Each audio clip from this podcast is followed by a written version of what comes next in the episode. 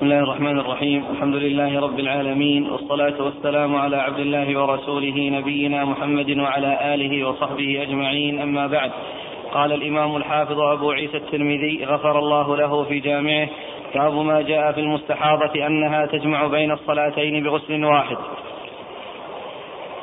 قال حدثنا محمد بن بشار قال حدثنا أبو عامر العقدي قال حدثنا زهير بن محمد عن عبد الله بن محمد بن عقيل عن إبراهيم بن محمد بن طلحة عن عمه عمران بن طلحة عن أمه حمنة بنت جحش رضي الله عنها أنها قالت كنت أستحاض حيضة كثيرة شديدة فأتيت النبي صلى الله عليه وعلى آله وسلم أستفتيه وأخبره فوجدته في بيت أختي زينب بنت جحش رضي الله عنها. فقلت يا رسول الله إني أستحاض حيضة كثيرة شديدة فما تأمرني فيها؟ قد منعتني الصيام والصلاة. قال أنعت لك الكرسف فإنه يذهب الدم. قالت هو أكثر من ذلك. قال فتلجمي. قالت هو أكثر من ذلك. قال فاتخذي ثوبا. قالت هو أكثر من ذلك. إنما أثج ثجا. فقال النبي صلى الله عليه وعلى آله وسلم سآمرك بأمرين. أيهما صنعت أجزأ عنك. فإن قويت عليهما فأنت أعلم. فقال إنما هي ركضة من الشيطان. فتحيضي ستة أيام أو سبعة أيام في علم الله ثم اغتسلي. فإذا رأيت أنك قد طهرت واستنقأت فصلي أربعا وعشرين ليلة أو ثلاثا وعشرين ليلة وأيامها. وصومي وصلي فإن ذلك يجزئك وكذلك فافعلي. كما تحيض النساء وكما يطهرن لميقات حيضهن وطهرهن. فإن قويت على أن تؤخر الظهر وتعجل العصر ثم تغتسلين حين تطهرين وتصلين الظهر والعصر جميعا. ثم تؤخرين المغرب. فإن, فإن قويت؟ فإن قويت على أن تؤخر الظهر وتعجل العصر ثم تغتسلين حين تطهرين وتصلين الظهر والعصر جميعا. ثم تؤخرين المغرب وتعجلين العشاء ثم تغتسلين وتجمعين بين الصلاتين فافعلي. وتغتسلين مع الصبح وتصلين وكذلك فافعلي وصومي إن قويت على ذلك. فقال رسول الله صلى الله عليه وآله وسلم وهو أعجب الأمرين إلي. بسم الله الرحمن الرحيم. الحمد لله رب العالمين وصلى الله وسلم وبارك على عبده ورسوله نبينا محمد وعلى آله وأصحابه أجمعين. أما بعد فيقول الإمام أبو عيسى الترمذي رحمه الله في جامعه باب في المستحاضة تجمع بين الصلاتين بوصل واحد. المستحاضة كما عرفنا في الدرس الماضي إذا كانت آه، لها تمييز بمعنى أنها تعرف إقبال الحيض وإدباره بوجوده بلونه ورائحته فإنها تأخذ بالتمييز. وتمتنع من الصلاة إذا جاء وقت الحيض وإذا انتهى وقت الحيض فإنها تغتسل. وإذا لم يكن لها تمييز ولكن لها عادة سابقة تعرفها وأنها كانت تأتي إليها قبل أن تعرفها قبل الاستحاضة فإنها في حال الاستحاضة تمكث الأيام التي كانت تمكثها من الشهر وبعدد الأيام وما وما زاد على ذلك فإنها تعتبر طاهرة تغتسل بعد انتهاء آه، المدة أو عدد الأيام التي هي أيام حيضها وتصلي وتصوم. وإذا لم تكن كذلك بأن كانت مبتدئة أو كان لها عادة ولكنها نسيتها ولا تعلم عنها شيئا فقد جاء بيانها في حديث حمنة هذا الذي أورده المصنف هنا وهو أن أنها آه تجلس سبعة أيام أو ستة أيام و وذلك ب يعني آه، آه، بما يحصل لأمثالها. ونظائرها من كونها يحبن ستا أو سبعا فإنها آه، تأخذ بهذا أو بهذا وتجلس هذه المدة وتختار أو تتحين يعني أيام معينة يعني آه، تجلسها التي هي ستة أو سبعة. وإذا مضت هذه الستة أو السبعة اغتسلت اغتسلت وصلت وصامت وتتوضأ لكل صلاة كما سبق أن مر وجاء في هذا الحديث أنها تغتسل وجاء في هذا الحديث أنها تغتسل وأنها تجمع بين الصلاتين بغسل واحد وهذا الغسل إنما مستحب وليس بواجب وإنما الواجب هو الاغتسال عند انتهاء المدة الذي هو غسل الحيض وأما الاغتسال للصلاة سواء كانت مجموعة أو مفردة كل صلاة في وقتها فإنما هو مستحب وإنما الواجب هو الوضوء لكل صلاة. الوضوء لكل صلاة والاغتسال مستحب. والرسول صلى الله عليه وسلم أرشدها إلى أنها بعد فراغ آه، آه، العدة التي هي أيام حيضها أنها تغتسل ويعني تصلي وتصوم وتتوضأ لكل صلاة كما سبق أن مر. وإذا قدرت أو قويت على أنها تغتسل آه، لصلاتين تجمعهما الظهر والعصر والمغرب والعشاء وتغتسل للفجر سألت قال النبي صلى الله عليه وسلم وهذا أعجب الأمرين إلي. والأمران هما كونها تتوضأ لكل صلاة تتوضأ لكل صلاة. والأمر الثاني أنها تغتسل لكل صلاة ولكن هذا مستحب وليس بواجب وإنما الواجب هو الوضوء لكل صلاة. والحديث يدل على بيان هذه الحالة الثالثة التي لا لا تمييز فيها ولا ولا ولا يعني معرفة آه، أيام معلومة بناء على عادة سابقة وأنها تمكث هذه المدة التي هي ستة أيام وسبعة أيام. وبعد ذلك آه، ما يبقى من الشهر هو 23 أو 24 إن كانت جلست ستا يبقى 24 يبقى آه، يبقى 24 وإن كانت جلست سبعا يبقى 23 فإنها تصوم وتصلي ولكنها تتوضأ لكل صلاة. ويكون أحد الأمرين هو أنها تتوضأ لكل صلاة. والأمر الثاني الذي أخبر به النبي صلى الله عليه وسلم أنها تجمع وأنها تغتسل للصلاتين المجموعة وتغتسل للفجر وقال أن هذا أعجب الأمرين إلي ولكن الاغتسال ليس بواجب وإنما الواجب الذي لا بد منه هو الوضوء الذي هو الطهارة والذي رفع الحدث لأنها تعتبر آه، مثل من به آه، حدث تعتبر ممن به حدث دائم. كما به سالس البول أو الريح التي تخرج منه باستمرار فإنه فإن من كان كذلك يتوضأ لكل صلاة. فإن من كان كذلك يتوضأ لكل صلاة. نعم.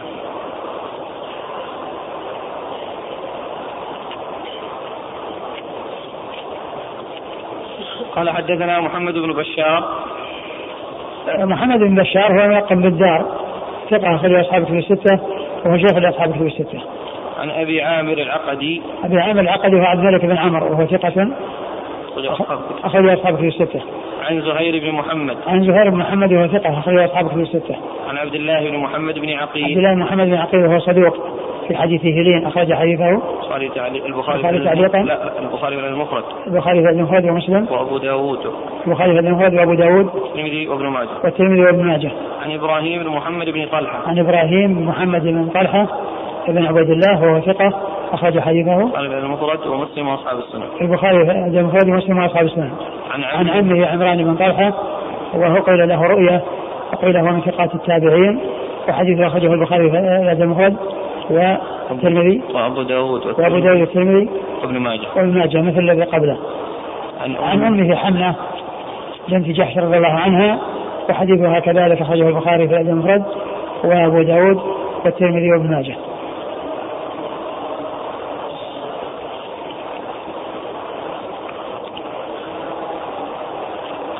قال في كلمات نعم. تحتاج قال أنعت لك الكرسف. أنعت لك الكرسف هو القطن. الذي تضعه يعني من أجل يعني يمسك الدم فأخبرت بأنها لا يعني بان ذلك لا يجزي شيئا. فقال آه، لجميه يعني لجميه يعني بشيء يعني بخرقة أو بشيء يعني تجعل كاللجام يعني بحيث يكون يعني يمسك الكرسف الذي يكون على فرجها. فقالت هو أعظم من ذلك.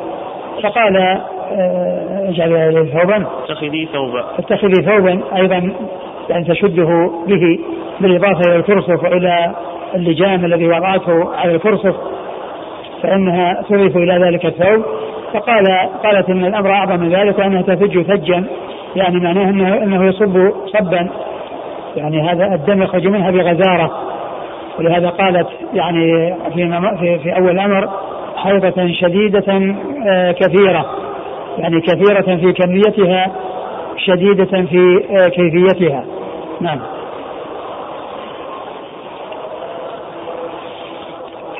فقال إنما هي ركضة من الشيطان. إنما هي ركضة من الشيطان. إنما هي ركضة من الشيطان يعني أن هذا من من من من من من, آه من الشيطان يعني كونها يعني آه آه يحصل لها يعني آه يعني هذا الشيء الذي أنساها يعني عادتها و وعدد أيامها في فيما مضى. ف فهو من الشيطان يعني يفسد عليها يعني شأنها ويفسد عليها عبادتها. نعم. فتحيضي ستة أيام أو سبعة أيام في علم الله. تحيضي ستة أيام أو سبعة أيام في علم الله. يعني تحيضي يعني تجلسين ستة أيام أو سبعة أيام في علم الله. أي تختارين لك تختارين لك آه ستا أو سبعا. ولكن الستة والسبعة يعني بناء على آه مثيلاتها. بناء على من كان مثلها. يعني من من من قريباتها أو من من هو مثلها في الجسم والصحة والقوه أو الضعف فتجلس ستا أو سبعا. وما زاد وما وراء ذلك من بقية الشهر اللي هو 23 مع السبع أو 26 أو أو 24 مع مع الست. فإنها تعتبر طاهرة تصوم وتصلي. تصوم وتصلي ولكنها تتوضأ لكل صلاة. نعم. وكذلك تفعلي كما تحيض النساء وكما يطهرن لميقات حيضهن وطهرهن. يعني أما فعلك هذا كونك تجلسين ستة أيام وسبعة أيام. آه عملك مثل عمل النساء اللاتي يجلسن مدة الحيض ثم بعد انتهاء مدته يعني آه يغتسلن ويصرن بذلك طاهرات. أنت تكونين كذلك. هنا أحسن الله إليك ميقات الحيض والطهر. بس بالعدد؟ بالعدد. لأن هذه التي ليس عندها عادة ولا تمييز ما فيها إلا العدد. ما فيها إلا العدد الذي تختاره من من الشهر كل شهر تجلس سبعة أيام أو ستة أيام أو أو ستة أيام والباقي تكون طاهرة. قال فإن قضيت على أن تؤخر الظهر وتعجل العصر هل هذا ما يسمى بالجمع الصوري؟ لا لا مو جمع صوري المقصود انها إنها يعني إنها تؤخر ال ال ال ال العصر الظهر وتصلي هنا في أول وقت العصر. وتصلي هنا في أول وقت العصر. وتعجلها يعني في أول وقت العصر. تؤخر الظهر وتعجل العصر يعني تجعلها في وقت العصر أو هنا في وقت العصر. وتؤخر المغرب حتى وتعجل العشاء حتى تكون في أول وقت العشاء. حتى تكون في أول وقت العشاء.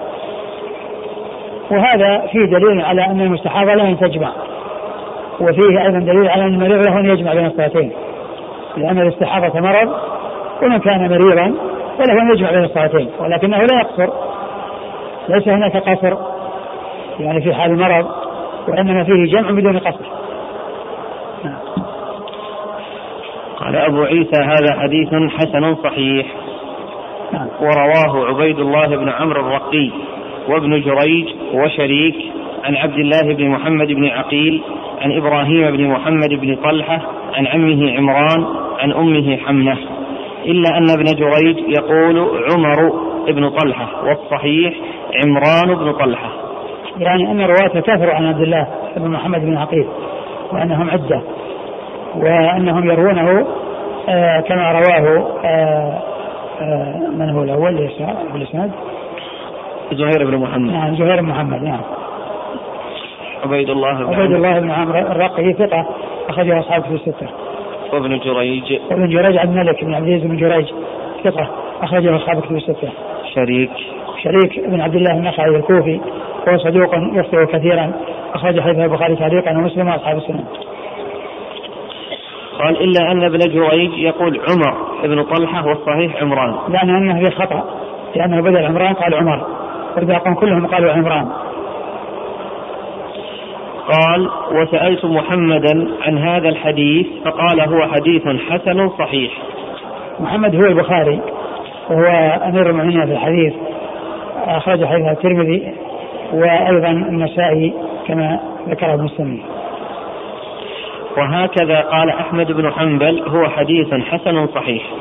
وأحمد بن حنبل هو أحمد بن محمد بن حنبل الشيباني الإمام الفقيه أحد أصحاب المذاهب الأربعة المشهورة مذاهب السنة. وحديث أخرجه أصحاب الكتب الستة. الجمع بين الحسن والصحة موجود قبل الترمذي. أي نعم. أقول موجود. لكن الترمذي هو الذي أشهر هذا الشيء واستعمله كثيرا. وكذلك التحسين أيضا التحسين والجمع بين التحسين والتصحيح موجودان ولكن إنما أضيف اشتهر إنما نسب إلى الترمذي لاشتهاره به لأنه كل الأحاديث التي تأتي يحكم عليها بالحسن والصحاحة والحسن أو الغرابة الذي في الضعف. نعم. وقال أحمد وإسحاق في المستحاضة إذا كانت تعرف حيضها بإقبال الدم وإدباره وإقباله أن يكون أسود وإدباره أن يتغير إلى الصفرة فالحكم لها على حديث فاطمة بنت أبي حبيش. وإن كانت المستحاضة لها أيام معروفة قبل أن تستحاض فإنها تدع الصلاة أيام أقرائها ثم تغتسل وتتوضأ لكل صلاة وتصلي. وإذا استمر بها الدم ولم يكن لها أيام معروفة ولم تعرف الحيض بإقبال الدم وإدباره فالحكم لها على حديث حملة بنت جحش. نعم هذه أحوال أحوال المستحاضة الثلاث.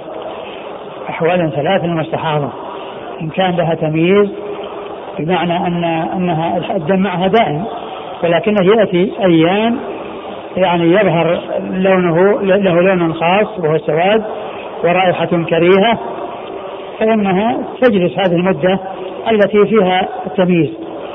وإذا لم يكن كذلك ولكن لها عادة سابقة أنها كانت تجلس ستة أيام أو أربعة أيام في أول الشهر تأتيها العادة في أول الشهر. فإنها تجلس أربعة أيام في أول الشهر.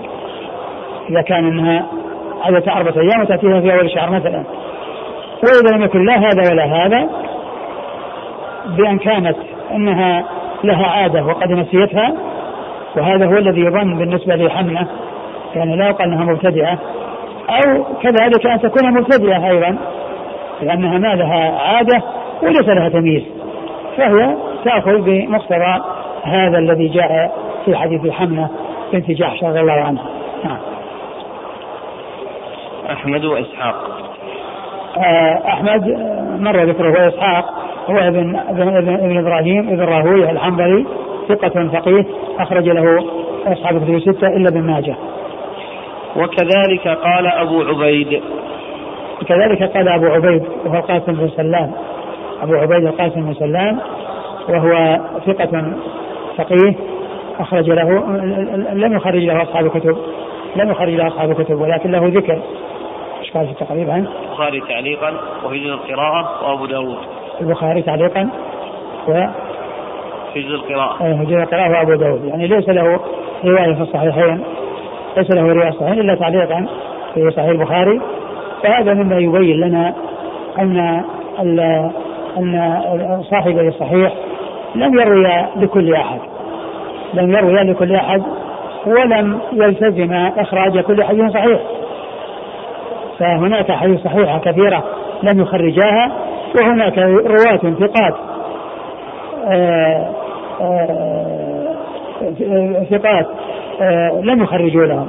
ومنهم أبو عبيد القاسم بن سلام الإمام المشهور. نعم.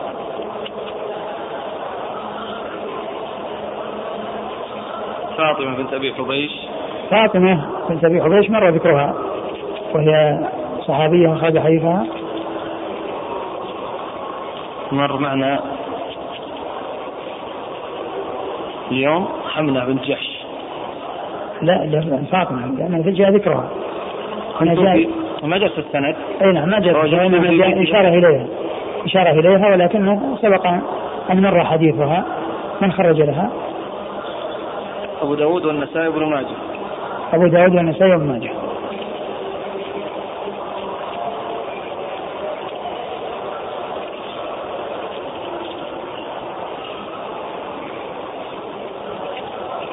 وقال الشافعي المستحاضة إذا استمر بها الدم في أول ما رأت فدامت على ذلك فإنها تدع الصلاة ما بينها وبين خمسة عشر يوما. فإذا طهرت في خمسة عشر يوما أو قبل ذلك فإنها أيام حيض. فإذا رأت الدم أكثر من خمسة عشر يوما فإنها تقضي صلاة أربعة عشر يوما. ثم تدع الصلاة بعد ذلك أقل ما تحيض النساء وهو يوم وليلة. قال الشافعي. المستحاضة إذا استمر بها الدم في أول ما رأت فدامت على ذلك فإنها تدع الصلاة ما بينها وبين خمسة عشر يوما. فإذا طهرت في خمسة عشر يوما أو قبل ذلك فإنها أيام حيض. فإذا رأت الدم أكثر من خمسة عشر يوما فإنها تقضي صلاة أربعة عشر يوما. ثم تدع الصلاة بعد ذلك أقل ما تحيض النساء وهو يوم وليلة. آه هذا قول الشافعي الذي ذكره المصنف. ومعناه أن أنها إذا كانت مبتدعة ولأول مرة يأتيها الحيض ولا تعرف يعني مقدار عادتها فإنها يعني تدع الصلاة إلى مقدار خمسة عشر لأنها أكثر مدة في الحيض عنده.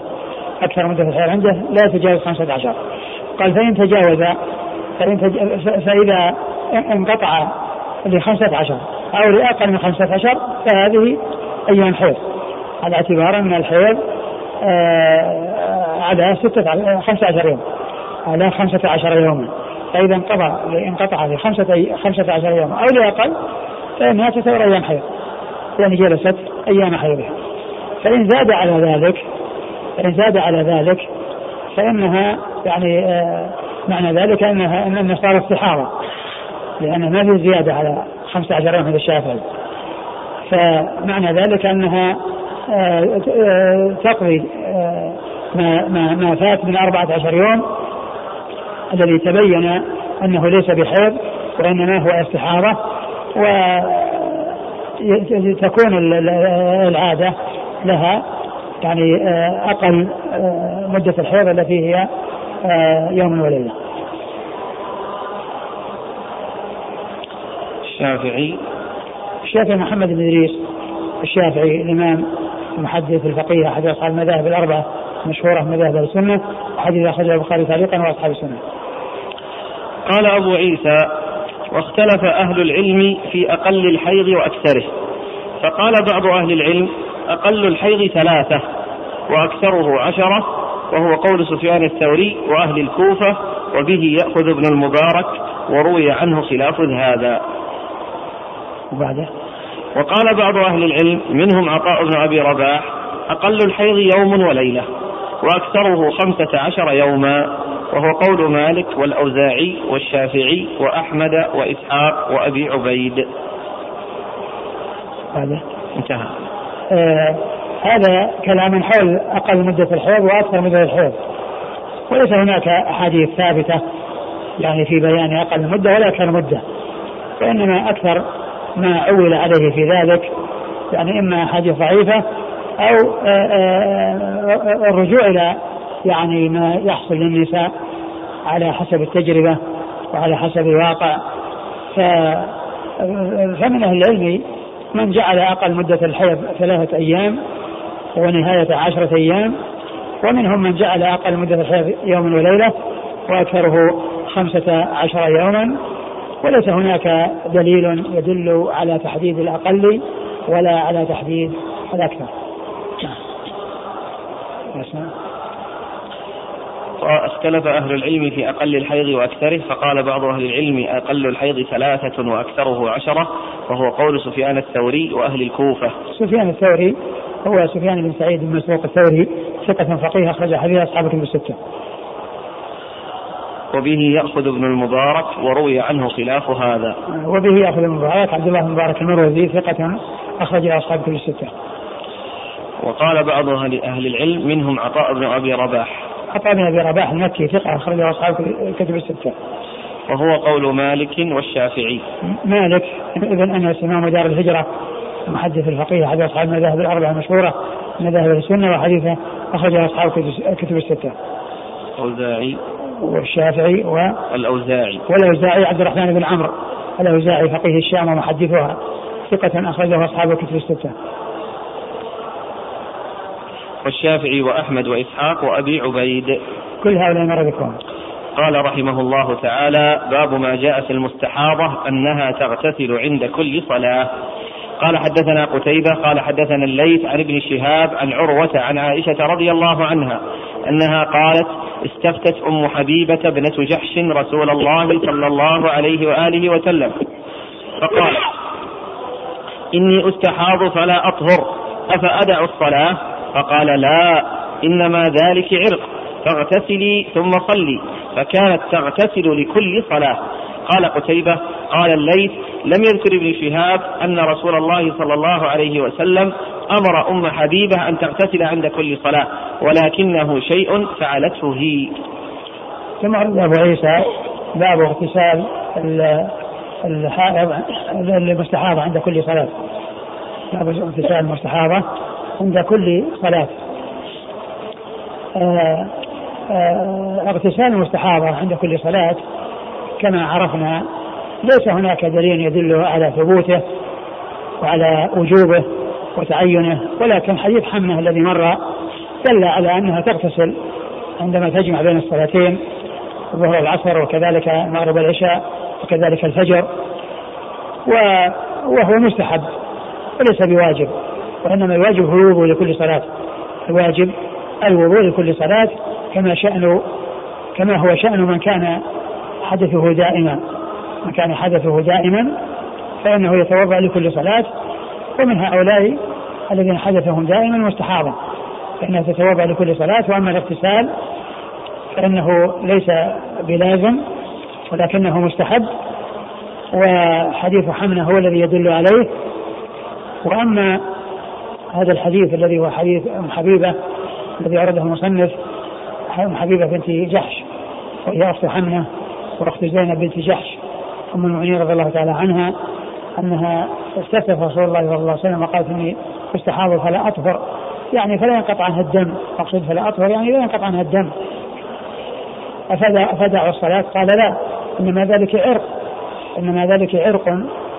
يعني هذا الدم يخرج من عرق. وش قال بعده؟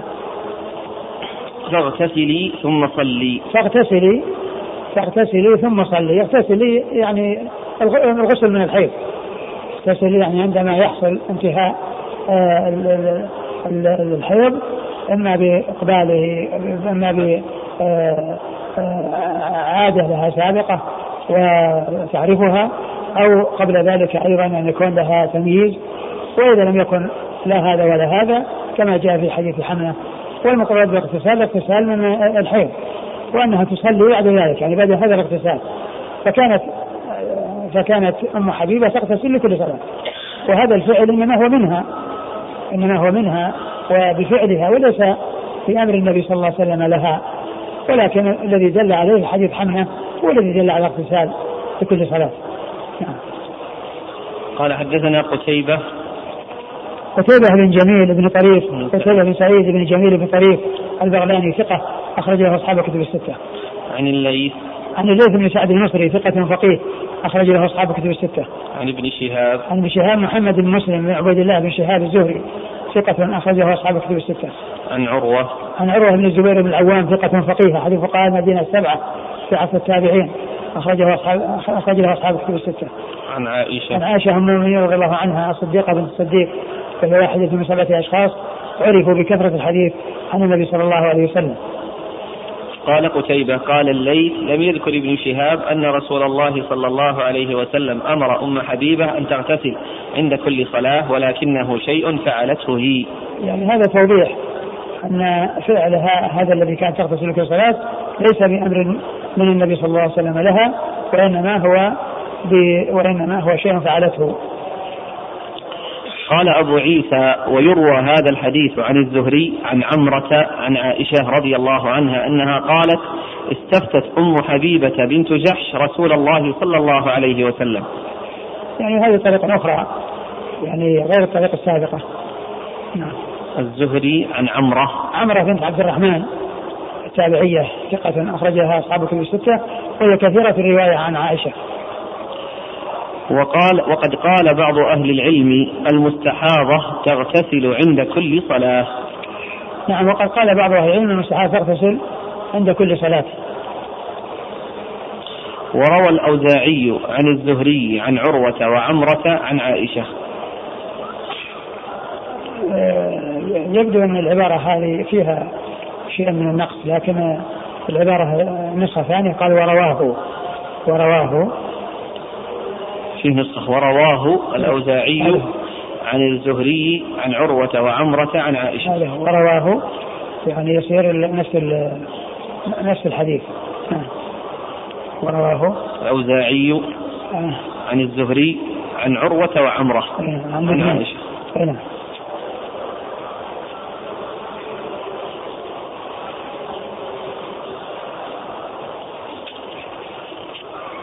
قال رحمه الله تعالى باب ما جاء في الحائض أنها لا تقضي الصلاة.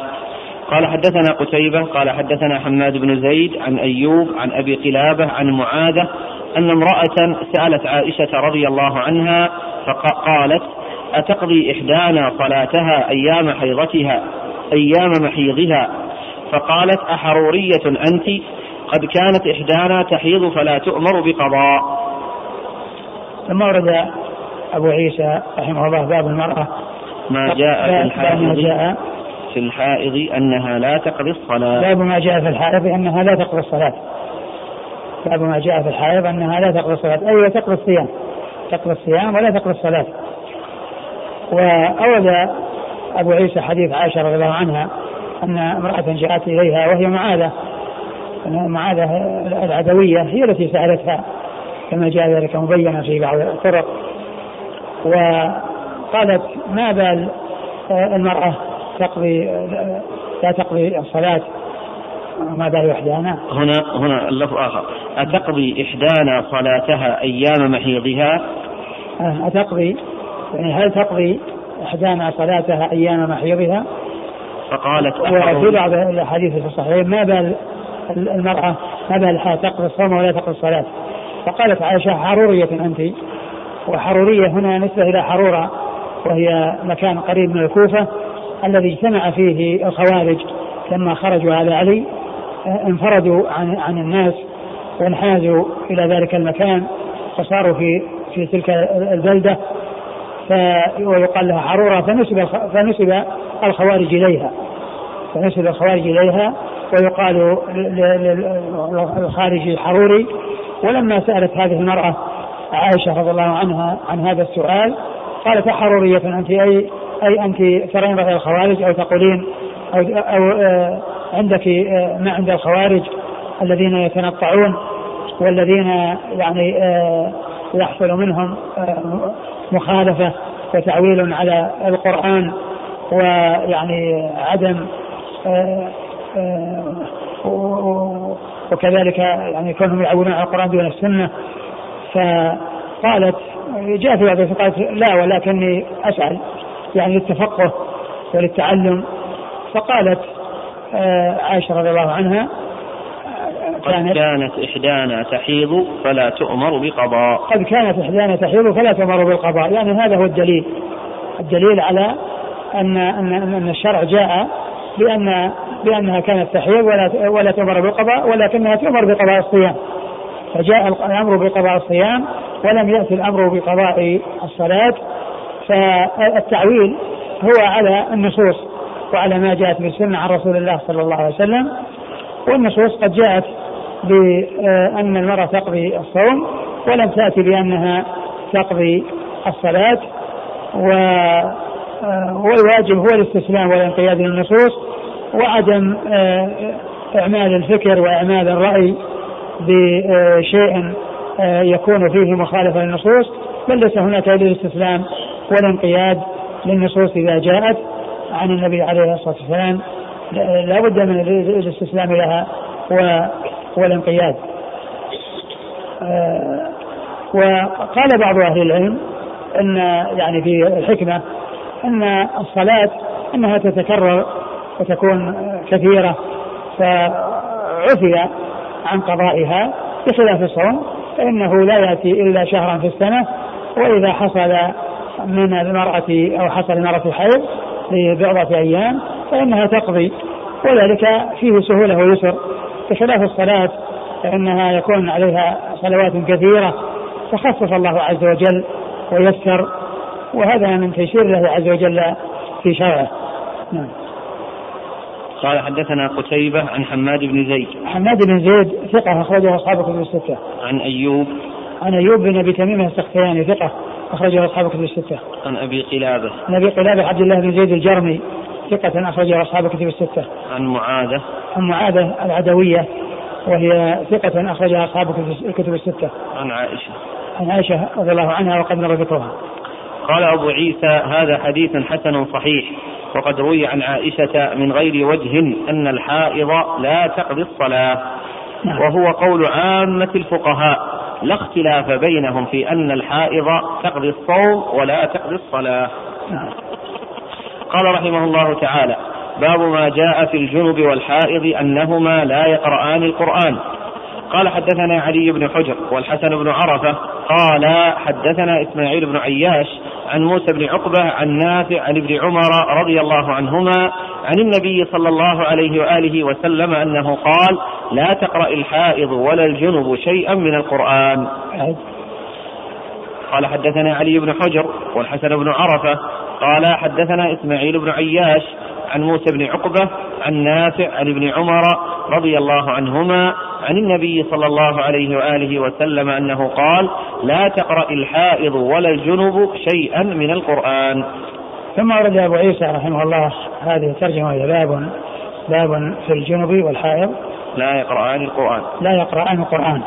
في الجنب والحائض لا يقرآن القرآن. الحائض مدة حيضها والجنب في وقت جنابته فإنهما لا يقرآن القرآن وقد وقد اختلف العلم يعني في هذه المسألة. منهم من قال أنه آه لا يقرأ لا الحائض ولا الجنب آه القرآن. ومنهم من قال إنهما يقرآن وليس هناك شيء ثابت يدل على المنع. ومنهم من قال يفصل بين الجنب فإنه لا يقرأ والحائض إذا خافت على أنها تنسى حفظها فإنها تقرأ وذلك أن الحائض حيضتها الانتهاء ليس بيدها وأما الجنابة فالانتهاء منها بيد الإنسان فإنه يتخلص من الجنابة آه، آه، إن كان الماء موجودا اغتسل وإن كان غير موجود تيمم وإن كان موجودا تيمم فيرتفع الحدث عنده ويتمكن وهذا شيء يرجع إليه وبيده بخلاف الحائض فإن فإنها تمكث أياما قد تبلغ إلى خمسة عشر يوم فيعني قد يكون ذلك فيه نسيان حفظها وما تحفظه فأباح لها يعني ذلك. والأحاديث التي وردت لا تسلم من مقال كل ما ورد في في ما يتعلق بقراءة الجنب أو نهي الجنب والحائض عن القراءة لا تسلم مقال. وقال المبارك فوري إن مجموعها مجموع يعني هذه الأحاديث يرتقي إلى أن إلى أن يحتج بها إلى أن يحتج بها. وبعضهم قال ان ان ان انه أنها ما دام انها أنها كلها فيها مقال فان فإن الأصل هو الجواز حتى يأتي يعني شيء يمنع من ذلك. والذي يبدو والله أعلم ان أن الحائض لها أن تقرأ القرآن لئلا تنسى وأما الجنب فإن أمره أمر جنابته بيده يستطيع إنهاءها والتخلص منها بالاغتسال إن كان الماء موجودا أو بالتيمم إذا لم يكن موجودا. وقد ورد آه، أبو عيسى حديث عبد الله بن عمر رضي الله تعالى عنهما أن النبي صلى الله عليه وسلم قال لا تقرأ لا تقرأ الحائض ولا الجنب شيئا من القرآن. لا تقرأ الحائض ولا الجنب شيئا من القرآن. والحديث في آه، في آه، إسناده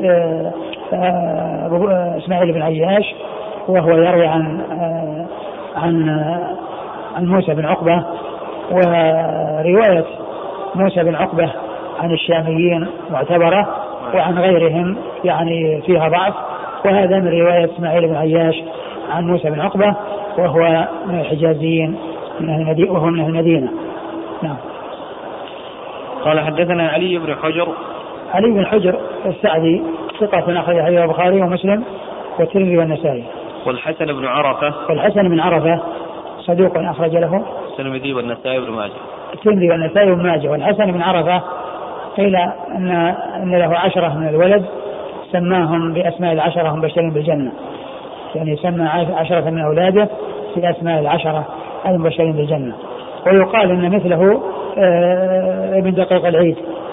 ابن دقيق العيد قيل أن أنه سمى عشرة من أولاده بأسماء العشرة المبشرين بالجنة. عن إسماعيل بن عياش. إسماعيل بن عياش آه، ثقة. صدوق في روايته عن أهل بلده. صدوق في روايته عن أهل بلده. مخلط في روايته أخرجه البخاري. أخرج حديث البخاري. في رفع اليدين وفي والسنن واصحاب السنن. أخرج حديث البخاري في كتاب رفع اليدين وأصحاب السنن الأربعة. عن موسى, موسى بن عقبة وهو ثقة أخرجه أصحاب الكتب الستة. عن نافع النافع مولى ابن عمر وهو ثقة أخرجه أصحاب الكتب الستة. عن ابن عمر عن آه، ابن عمر رضي الله عنهما عبد الله بن عمر وهو أحد العباد الأربعة ومن الصحابة وأحد السبعة المعروفين بكثرة الحديث عن النبي صلى الله عليه وسلم. قال وفي الباب عن علي علي بن أبي طالب أمير المؤمنين ورابع الخلفاء الراشدين الهاديين المهديين صاحب المناقب الجنة والفضائل الكثيرة وحديث أخرجه أصحاب كتب الستة. قال أبو عيسى حديث ابن عمر حديث لا نعرفه إلا من حديث إسماعيل بن عياش. عن موسى بن عقبة عن نافع عن ابن عمر عن النبي صلى الله عليه وسلم قال لا يقرأ الجنب ولا الحائض وهو قول أكثر أهل العلم من أصحاب النبي صلى الله عليه وآله وسلم والتابعين ومن بعدهم مثل سفيان الثوري وابن المبارك والشافعي وأحمد وإسحاق. قالوا لا تقرأ الحائض ولا الجنب من القرآن شيئا. طرف الآية والحرف ونحو ذلك. ورخصوا للجنب والحائض في التسبيح والتهليل. ثم ذكر أبو عيسى أن جمهور أهل العلم من الصحابة ومن بعدهم على ما جاء في هذه الأحاديث التي تمنع من قراءة الجنب والحائض القرآن وأنهم رخصوا بقراءة بعض الآية و آه، آه، وأن وأكثر أهل العلم يعني على ذلك. نعم. وقال سمعت محمد بن إسماعيل يقول إن إسماعيل بن عياش يروي عن أهل الحجاز وأهل العراق أحاديث مناكير كأنه ضعف روايته عنهم فيما ينفرد به وقال إنما حديث إسماعيل بن عياش عن أهل الشام. نعم. وقال أحمد بن حنبل إسماعيل بن عياش أصلح من بقية ولبقية أحاديث مناكير عن الثقات. نعم. قال أبو عيسى حدثني أحمد بن الحسن قال سمعت أحمد بن حنبل يقول ذلك. نعم. قال رحمه الله تعالى باب ما جاء في مباشرة الحائض. لا لا لا أسمع لي راحت سفيان الثوري وابن المبارك والشافعي وأحمد وإسحاق محمد بن إسماعيل البخاري. كلهم مرة ذكرهم أحمد بن حنبل بقية. بقية بن الوليد وهو صدوق أخرج حديث البخاري تعليقا وأصحاب السنة. وكذلك أحمد بن الحسن الترمذي. إيه؟ آه، ثقة أخرج حديث البخاري والترمذي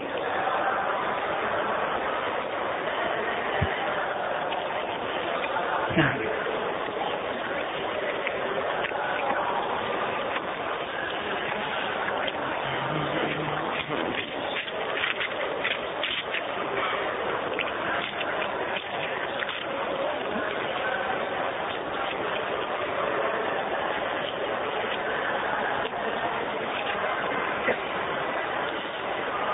البخاري تعليقا ومسلم وأصحاب السنة.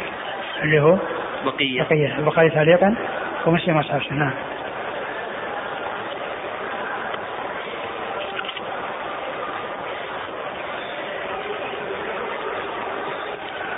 قال رحمه الله تعالى باب ما جاء في مباشرة الحائض. قال حدثنا بندار قال حدثنا عبد الرحمن بن مهدي عن سفيان عن منصور عن إبراهيم. عن الأسود عن عائشة رضي الله عنها أنها قالت كان رسول الله صلى الله عليه وآله وسلم إذا حضت يأمرني أن أتزر ثم يباشرني. ثم ورد أبو عيسى باب في مباشرة الحائض. يعني آه، مباشرة الحائض المباشرة لها معنيان معنى بمعنى الجماع وهذا ليس هو المقصود هنا وذلك كما قال الله عز وجل فالآن باشروهن. واتقوا ما كتب الله لكم. يعني هذا المقصود به الجماع. وتأتي المباشرة والمراد بها غير الجماع.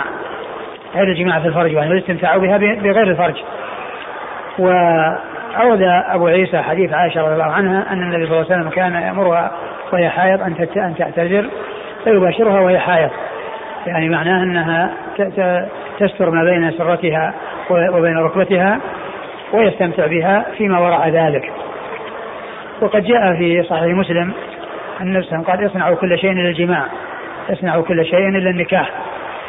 يعني ومعنى ذلك أنه يجوز المباشرة في ما دون السرة والركبة لكن بشرط أن لا يكون هناك جماع. لا يكون هناك جماع. والحديث صحيح ثابت عن رسول الله صلى الله عليه وسلم ويدل على جواز ما دون السرة ما بين السرة والركبة. وأن المستحب هو ما وراء السرة آه، كما جاء في حديث عائشة هذا. وأما المباشرة فيما آه، بين السرة والركبة فهذا جائز بشرط أن لا يكون هناك جماع. والذي جاء في حديث عائشة يعني يدل على الأمر المستحب الذي يبعد عن الوقوع في الأمر المحذور لأن لأن لأنه كما يعني كما قيل من حام حول الحمى يوشك أن يقع فيه. وإذا كان بعيدا عنه فإن السلامة تكون محققة. ولكن جاء في صحيح مسلم اصنعوا كل شيء إلا النكاح. ويدل على جواز ذلك. قال حدثنا بندار. بندار هو محمد بن بشار. آه، مر ذكره. عن عبد الرحمن بن مهدي. عبد الرحمن المهدي ثقة أخرجه أصحاب كتب الستة. عن سفيان. عن سفيان آه، آه، آه، بن سعيد المسروق الثوري. مر ذكره. عن منصور عن منصور بن المعتمر وهو ثقة أخرجه أصحاب كتب الستة. عن إبراهيم. عن إبراهيم بن يزيد بن قيس النخعي ثقة أخرجه أصحاب كتب الستة. عن الأسود. عن الأسود. الأسود بن يزيد وهو ثقة أخرجه أصحاب كتب الستة. عن عائشة. عن عائشة رضي الله عنها وقد مر ذكرها. قال وفي الباب عن أم سلمة وميمونة. أم سلمة هند بنت أبي أمية أم المؤمنين. وحديثها أخرجه أصحاب كتب الستة وميمونة بنت الحارث الهلالية أم المؤمنين.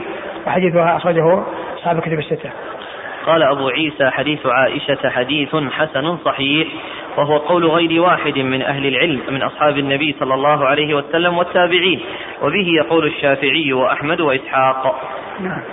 قال رحمه الله تعالى باب ما جاء في مؤاكلة الحائض وسؤرها. قال حدثنا عباس العنبري ومحمد بن عبد الأعلى قال حدثنا عبد الرحمن بن مهدي قال حدثنا معاوية بن صالح عن العلاء بن الحارث عن حرام بن معاوية عن عمه عبد الله بن سعد رضي الله عنه أنه قال سألت النبي صلى الله عليه وعلى آله وسلم عن مؤاكلة الحائض فقال واكلها. قال وفي الباب عن عائشة وأنس رضي الله عنهما قال أبو عيسى حديث عبد الله بن سعد حديث حسن غريب وهو قول عامة أهل العلم لم يروا بمواكلة الحائض بأسا واختلفوا في فضل وضوئها فرخص في ذلك بعضهم وكره بعضهم فضل فضل طهورها.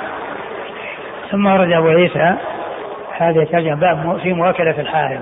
وسؤرها. وسؤرها. مواكلة الحائض يعني كون كونه يؤكل معها في وقت واحد أو يستعمل سؤرها يعني وهو فضلتها والبقية التي أبقتها بعد شربها أو بعد أكلها بعد شربها أو بعد أكلها هذا هو السؤر أي الباقي.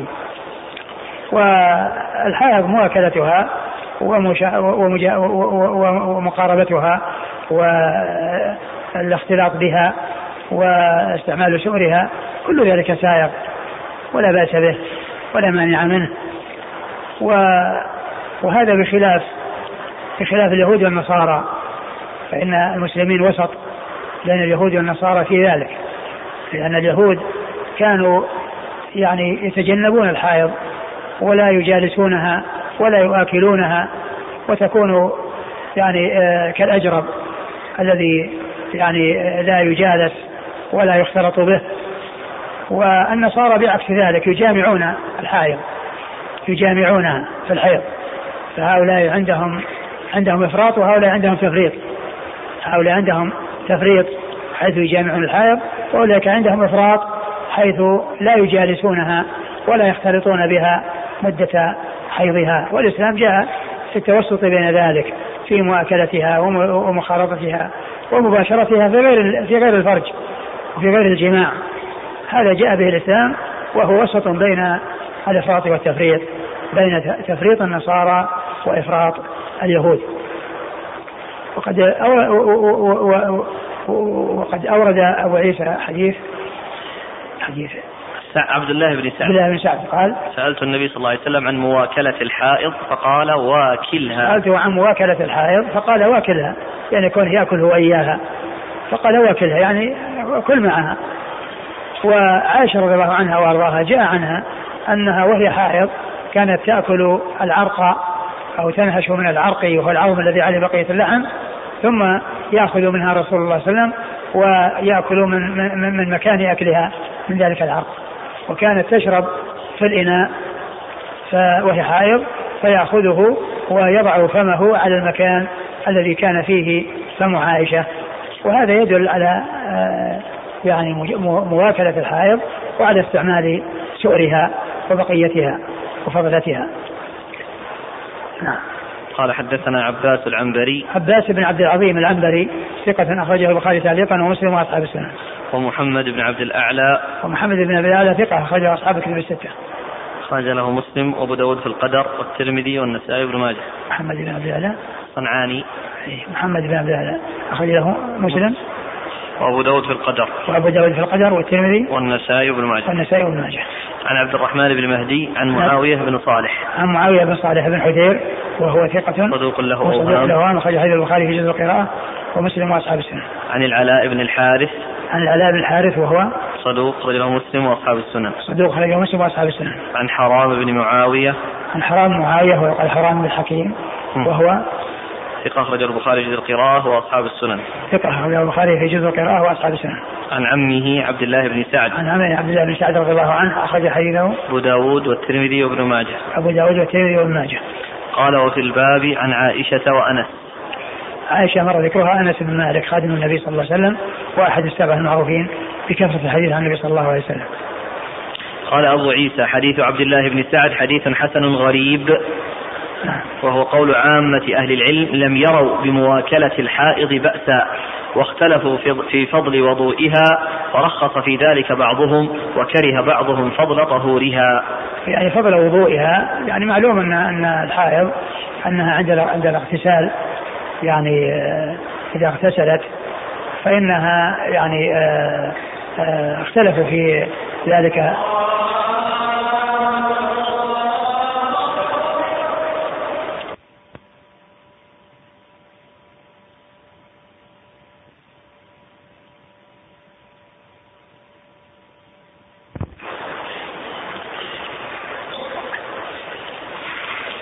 يقول أبو عيسى رحمه الله أن العلماء اختلفوا في فضل طهور الحائض ومنهم من أجا يعني أجازه ومنهم من منع آه، منه.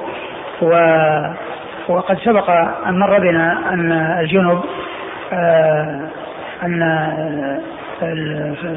فضل الجنب سواء كان رجل أو امرأة أنه لا بأس به وقد مر في الحديث أن الماء لا يجنب لما قالت ميمونة في الجفنة التي كانت اغتسلت منها قالت إني اغتسلت منها لما جاء النبي صلى الله عليه وسلم ليغتسل منها قال قالت إني قال إن الماء لا يجنب. وكذلك هنا المرأة إذا استعملت الماء وأخذت منه بيدها فإن ذلك لا يؤثر على طهارته شيئا بل هو طاهر. ومنهم من آه، أباح استعماله ومنهم من من كره ذلك. نعم. فرخص في ذلك بعضهم وكره بعضهم فضل طهورها. نعم رخص في ذلك بعضهم وكره بعضهم فضل طهورها. وهنا التحريم يعني نعم. الكراهة. بعض أهل العلم يعني وصل به يعني قال بالتحريم ما أدري. آه، باب ما جاء في الحائض تتناول الشيء من المسجد. قال حدثنا قتيبة قال حدثنا عبيدة بن حميد عن الأعمش عن ثابت بن عبيد عن القاسم بن محمد قال قالت لي عائشة رضي الله عنها قال لي رسول الله صلى الله عليه وآله وسلم ناوليني الخمرة من المسجد. قالت قلت إني حائض. قال إن حيضتك ليست في يدك. ثم ورد أبو عيسى باب باب ما جاء في الحائض تتناول باب في الحائض تتناول شيئا من المسجد. يعني أن ذلك لا مانع عنه لا مانع منه وذلك أن المرأة لا لا تدخل المسجد لا تمكث المسجد ولكنها يمكن أن تتناول المسجد تتناول من المسجد شيئا. وذلك أنها النبي صلى الله عليه وسلم قال ناوليني الخمرة. فقالت إني حائض. قال ليست حائض في بيدك. يعني اليد ليس فيها شيء من الحيض والحيض إنما هو في الفرج وهو الذي فيه فيه النجاسه وأما اليد فإنها طاهرة. ولا يعني آه، يمنع يعني كونها تدخلها وتناول شيئا. واستدل به بعض أهل العلم على أن من حلف لا يدخل دارا ثم أدخل يده فيها أنه لا يعتبر دخلها حتى يدخلها بكامله اخذا من هذا الحديث. وأنها يعني لا تعتبر دخلت بإدخالها يدها في المسجد. والخمرة هي السجادة التي يصلى عليها أو الفراش الذي يصلى عليه. آه، آه، يقال له خمرة لأنه يغطي يعني أو يحول يعني بين الوجه وبين الجسد من الوصول إلى مباشرة الأرض فيما لو كان آه، فيما إذا كانت الأرض حارة أو في برودة فإنها فيها وقاية وفيها يعني حجب وستر من الوصول إلى ذلك وهذا وهو سائر أنه يصلى على الفراش ويصلى على السجاجيد ويصلى على الأرض مباشرة كل كل ذلك سائر ولا يعني ولا ولا مانع منه. نعم. قال حدثنا قتيبة عن عبيدة بن حميد. عبيدة بن حميد هو صدوق ربما أخطأ أخرجه البخاري. صدوق ربما أخطأ أخرجه البخاري. وأصحاب السنن. وأصحاب السنن. عن الأعمش. عن الأعمش سليمان بن مهران الكاهلي ثقة أخرجه أصحاب كتب الستة. عن ثابت بن عبيد. عن ثابت بن عبيد وهو ثقة أخرجه البخاري في المفرد ومسلم وأصحاب السنن. ثقة أخرجه البخاري في المفرد ومسلم وأصحاب السنن. عن القاسم بن محمد القاسم بن محمد بن أبي بكر الصديق ثقة فقيه أحد فقهاء المدينة السبعة في عصر التابعين أخرج حديثه أصحاب كتب الستة. عن عائشة عن عائشة أم المؤمنين رضي الله عنها وقد مر ذكرها. قال وفي الباب عن ابن عمر وأبي هريرة. ابن عمر مر ذكره وأبو هريرة عبد الرحمن بن صخر الدوسي صاحب رسول الله صلى الله عليه وسلم وأكثر أصحابه حديثا. قال أبو عيسى حديث عائشة حديث حسن صحيح وهو قول عامة. حسن غريب. حسن عندي صحيح الزيادة من ميم وهاء وكاف وهي زيادة جيدة إيه، لأن الحديث صحيح. رواه ها؟ يعني من بعض النسخ. أي أي نعم هو أنت قلت غريب في الأول. أنا ما قريت هذا الكلام. ما قلت غريب؟ اللي اللي قبله. اللي قبله. عبد الله بن نعم. اللي قبله عبد الله بن سعد نعم, نعم وهو حسن صحيح. نعم. نعم. وهو قول عامة أهل العلم. لا نعلم بينهم اختلافا في ذلك بأن لا بأس أن تتناول الحائض شيئا من المسجد. نعم. قال رحمه الله تعالى باب ما جاء في كراهية إتيان الحائض. والله أعلم وصلى الله وسلم وبارك على نبينا ورسوله نبينا محمد وعلى آله وصحبه أجمعين. غدا في درس؟ لا. بالنسبة جزاك الله خير الآن الصلاة على السجادة فوق الفرش الموجود في المسجد. هذا ما له وجه. ليس له وجه يعني يكون يؤتى بسجادة. نعم إذا كانت يؤتى بسجادة من أجل يصلي على يعني يحطها على البلاط إذا كان باردا. ولكن إذا كان حصل الفراش لا لا, لا يفرش على الفراش. لا حاجة إلى ذلك.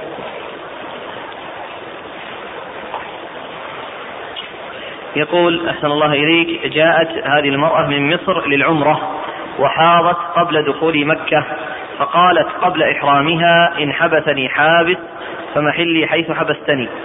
ولم تطهر إلى أن انتهت مدة الرحلة رحلة العمرة ورجعت منذ ستة أشهر وهي لا تعرف أن عليها إعادة العمرة أو أي شيء. أفيدونا ماذا عليها حيث أنها فعلت كل محذورات الإحرام وهي متزوجة؟ لا أدري عن كون كون الحيض يعتبر يعني حابسا يعني أو مانعا يعني أقول لا أدري.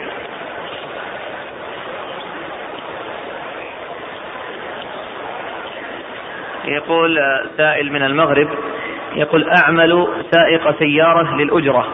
فرضت علينا السلطات المغربية بحلق أو تخفيف اللحية وإلا منعت من العمل. علما أني لا يتوفر لدي أي عمل آخر.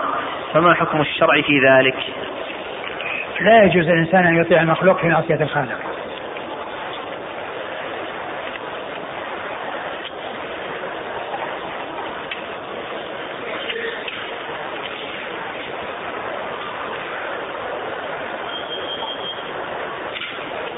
يقول إن احتلم الشخص فلم يجد ماء ساخنا والجو بارد. فإذا سخن الماء خرج وقت الصلاة. فهل له أن يتيمم أو يسخن الماء ولو خرج وقت الصلاة؟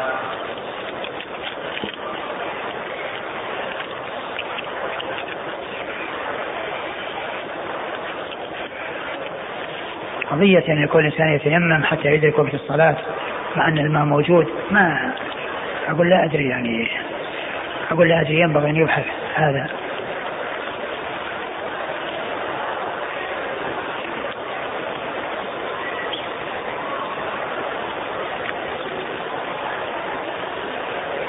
يقول هل يؤخذ من صلاة المستحاضة حال نزول الدم يؤخذ منه طهارة دم الآدمي؟ طهارة دمه؟ إيه؟ لا. أقول لا لا يؤخذ منها طهارة لأن الآن هذا هذا خارج من السبيل وهو متفق على على نجاسته. ولكن هذا مثل سلس البول. الإنسان إذا سلس البول يصلي وسلس البول ولا يقال إن بوله طاهر.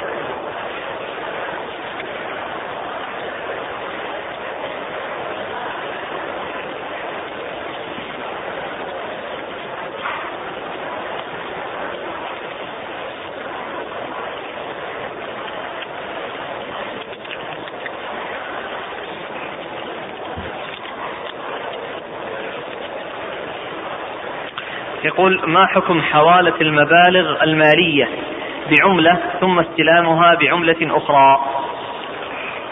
ما في بأس لأن كون الإنسان يعني يدفع العملة أو يتفق مع إنسان على السعر ثم يعني يوكله لإيصال المبلغ إلى جهة أخرى لا بأس بذلك.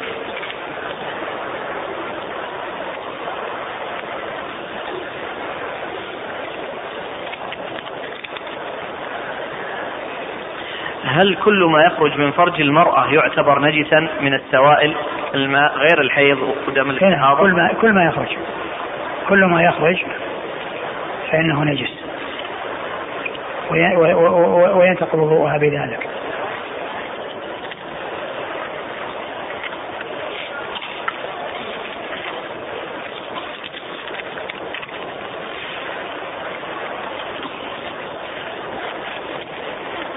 يقول احتج بعضهم على سنية واستحباب تلحين دعاء القنوت وقراءته على نسق التلاوة لأن أئمة الحرمين يلازمون هذا.